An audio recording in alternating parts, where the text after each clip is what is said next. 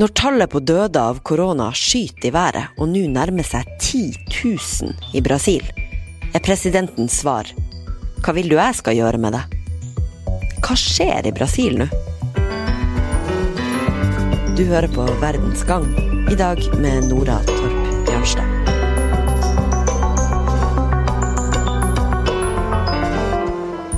I Brasils fattige nabolag så pågår det nå en sykdomskatastrofe uten sidestykke. En som står midt oppi denne svært dødelige kombinasjonen av smitte, desinformasjon og fattigdom, er norske Ane. Jeg heter Anne Høiby Vikeland. Jeg er 26 år og akkurat blitt ferdig med masteren min. Og vel, jeg endte vel opp i pipa som det som skulle være et første stopp på ei Sør-Amerika-reise. Men eh, ja, som alle vet, så kom jo koronakrisa, og da ble vi egentlig ja, Vi satt fast her og bestemte oss for at uh, vi ville bli her i stedet for å dra hjem igjen til uh, Norge og Nederland. Anne, tusen takk for at du vier litt tid til å være med oss fra Brasil. Mange av brasilianerne som Ane går forbi på gata hver dag, har i likhet med folk i Norge mista jobbene sine pga. koronakrisa. Men i motsetning til her hjemme, så betyr det ofte at folk virkelig sulter, forteller Ane. Koronakrisa her i land i Sør-Amerika og i Brasil har så mange dimensjoner som man kanskje ikke tenker på hjemme i Norge. Mange her lever uten det sikkerhetsnettet som vi er så heldige å ha i Norge. Så det at de nå står uten jobb pga. lockdown, betyr at de også står helt uten mat. De uh, har ikke råd til og eh, kjøpe mat til familiene sine. De har ikke råd til å kjøpe eh, maske, hansker, antibac. Alt det som er så viktig for å bekjempe denne pandemien. Nå er det minst 140 000 smitta og nært opp mot 10 000 døde i Brasil av koronaviruset. Det er jo landet til en av de statene i verden der flest er smitta. Likevel har landets president markert seg som en av de statslederne i verden som offentlig har tatt lettest på koronaviruset. Da Jair Messias Bolsonaro nylig møtte pressen og ble konfrontert med landets høye dødstall, svarte han. Hva så? Jeg sørger, men hva vil du jeg skal gjøre med det? Mitt navn er riktignok Messias, men det er ikke som om jeg kan gjøre noe med det her. Det er synd, men hva vil du jeg skal gjøre med det? ble nettopp ordene som sto skrevet på en ellers svart forside av avisa Estado de Minas, sammen med dødstallet for Brasil, som allerede for to uker siden hadde passert 5000. Today I'm very thrilled to welcome President Bolsonaro of Brazil for his first visit to the White House. I want to congratulate you again on your tremendous election victory, something the whole world was talking about. I also uh, know that we're going to have a fantastic working relationship. Uh, we have many views that are similar. Jair Bolsonaro var en statsleder som fikk mange til å heve øyenbrynene også før koronaen. Høyrepopulist som han er, blir han kalt tropenes Trump, og har sjokkert med nedsettende uttalelser om homofile, kvinner og minoriteter. Sjøl ser han ut til å like sammenligninga med USAs president. Jeg liker Trump. Den eneste forskjellen er at jeg er rikere, sa han til Vice Magazine i 2016. Brasilianernes tillit til demokratiet er den laveste i Latin-Amerika. Denne mistilliten til makta er tydelig når Ane snakker med folk i Praia da Pipa. Som mange sikkert har sett på nyhetene, så har de jo en president som har blitt eh, et symbol på eh, koronafornekter, og som virker som han setter økonomien over um, helse og livet til um, innbyggerne sine. Da Jair Bolsonaro la ut videoer på sosiale medier der han helt åpenbart bryter med helseråd gitt av myndighetene, ble det for mye til og med for gigantene. Filmklippene der han tar folk i hånda og hevder at malariamedisin uansett vil ta knekken på koronasmitte, ble rett og slett fjerna av både Twitter, Facebook og Instagram. Torsdag kom det nyhetsmeldinger om rekordmange nye tilfeller i Brasil. Da var det på ett døgn registrert over 10 500 nye koronasmitta og over 600 dødsfall på ett døgn. Den samme dagen som denne dystre rekorden ble nådd, var Ane fra Kvæfjord ute sammen med en gruppe bestående av flere hjelpere og delte ut mat til de mange brasilianerne i landsbyen som nå strever med å få endene til å møtes.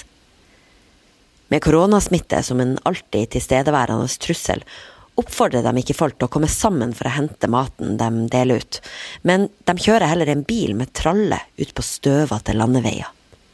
Der, iblant dovne hunder i solsteika, så leverer Ane i hansker og maske, fra seg plastposer med det mest nødvendige til familier i enkle murhus. Det som vi har gjort, er at vi har kjøpt inn de mest nødvendige matvarene, sånn som ris og pasta og bønner og mel og noen hygieneprodukter, som vi har fordelt ut i poser. Og så kjører vi rundt på døren og leverer de posene ut til uh, de som trenger det. Og når du da kommer eh, hjem til folk, kan du beskrive for oss i Norge hva er det dere møter da? Hvordan bor folk, og hva sier de til dere? Det er så store ulikheter. Du kan kjøre fra eh, et område der de lever ganske så likt som vi gjør hjemme i Norge, og så kjører du ti minutter utfor byen, og så bor de under forhold som bare er helt umulig å forestille seg når man kommer fra Norge. Um, de vi har møtt, de bor i, på ett eller to rom med familier som gjerne er på opptil 10-11 familiemedlemmer. Um, de er heldige som har et hus, men de har visst oss husene sine, og hvis det regner, så går det rett gjennom taket. De har ofte ikke innlagt strøm, de har ikke vann. Og særlig det problemet med å ikke ha rent vann blir jo ekstra farlig i en tid som det her, der hygiene er ekstremt viktig. En mann skriver dato og navn på nok et offer av covid-19 på et kors på en kirkegård i den brasilianske delstaten Amazonas. Ved kista står barnebarnet og gråter. Jeg føler meg maktesløs og har ingen flere tårer igjen å gråte. Min bestemor døde fordi det ikke var respirator til henne. Det fantes kun én på avdelinga der hun lå. Hadde hun fått bruke den, ville hun overlevd, sier Val Suárez til nyhetsbyrået Ap. Sorgen ligger tung over mange familier nå. Kan du si noe om hvor prekær situasjonen egentlig er nå i Brasil? Det er så mange dimensjoner av denne pandemien her. Du har på den ene sida så har du et, um, en president og en regjering som har vært veldig sein med å eh, sette inn tiltak. Og på den andre sida så har du et land som allerede lever i fattigdom, uh, som har store um, klasseforskjeller, der mange jobber i en uformell økonomi, som betyr at de ikke har en kontrakt eller noe å falle tilbake på for å få sosial hjelp. Um, ja, det den situasjonen som er veldig vanskelig, også fordi at det er mange som er uten utdannelse, og det er mange som bor, i, eh, som bor veldig tett oppå hverandre. Um, og særlig det med fattigdom er jo et stort problem her, fordi at det er mange som ikke har råd til å, til å holde sosial distanse. Det er mange som føler at de må på jobb fordi at for dem er sult kanskje enda verre enn det å bli smitta av korona. De er neppe blant de sultende, men også for medlemmene av Brasils regjering får presidentens håndtering av koronakrisa konsekvenser. Helseministeren måtte gå etter å ha kritisert Bolsonaro for å holde skolene åpne. Også landets populære justisminister tok nylig sin dokumentmappe og gikk. Uten at det er bekrefta, så spekulerer mange aviser i at det kan ha noe med presidentens koronalinje å gjøre. Det at landets president tar så lett på den dødelige smitta, påvirka mange brasilianeres holdning til viruset i starten, men de fattige som aner møtet, har de siste ukene slutta å tro på presidenten, forteller hun. Hvordan har uttalelsene til presidenten påvirka den holdninga dere ser at brasilianere flest har til viruspandemien? Jeg tror at uh, den holdninga som han har, mister mindre og mindre fotfeste i befolkninga. Fordi at etter, etter, hvert som viruset sprer seg, så ser de um, så ser de konsekvensene av det her. De ser at det går ikke an til å fortsette med business as usual.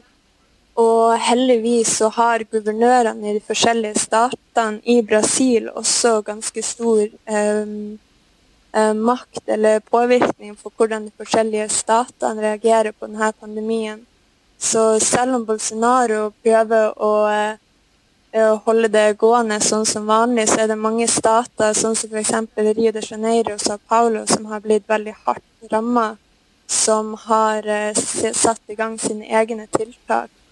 Men problemet er at det er ikke en løsning for mange her. Det å skulle isolere seg og gå i lockdown, det um, skyver også bare flere og flere ut i fattigdom, i akutt fattigdom.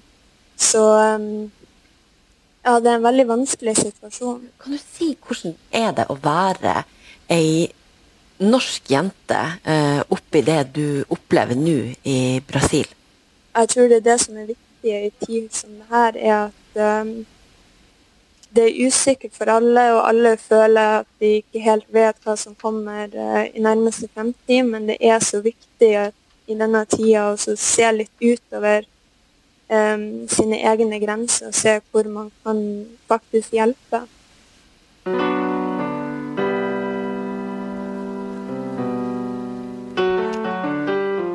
Du har hørt en episode av VGs daglige nyhetspodkast Verdens gang.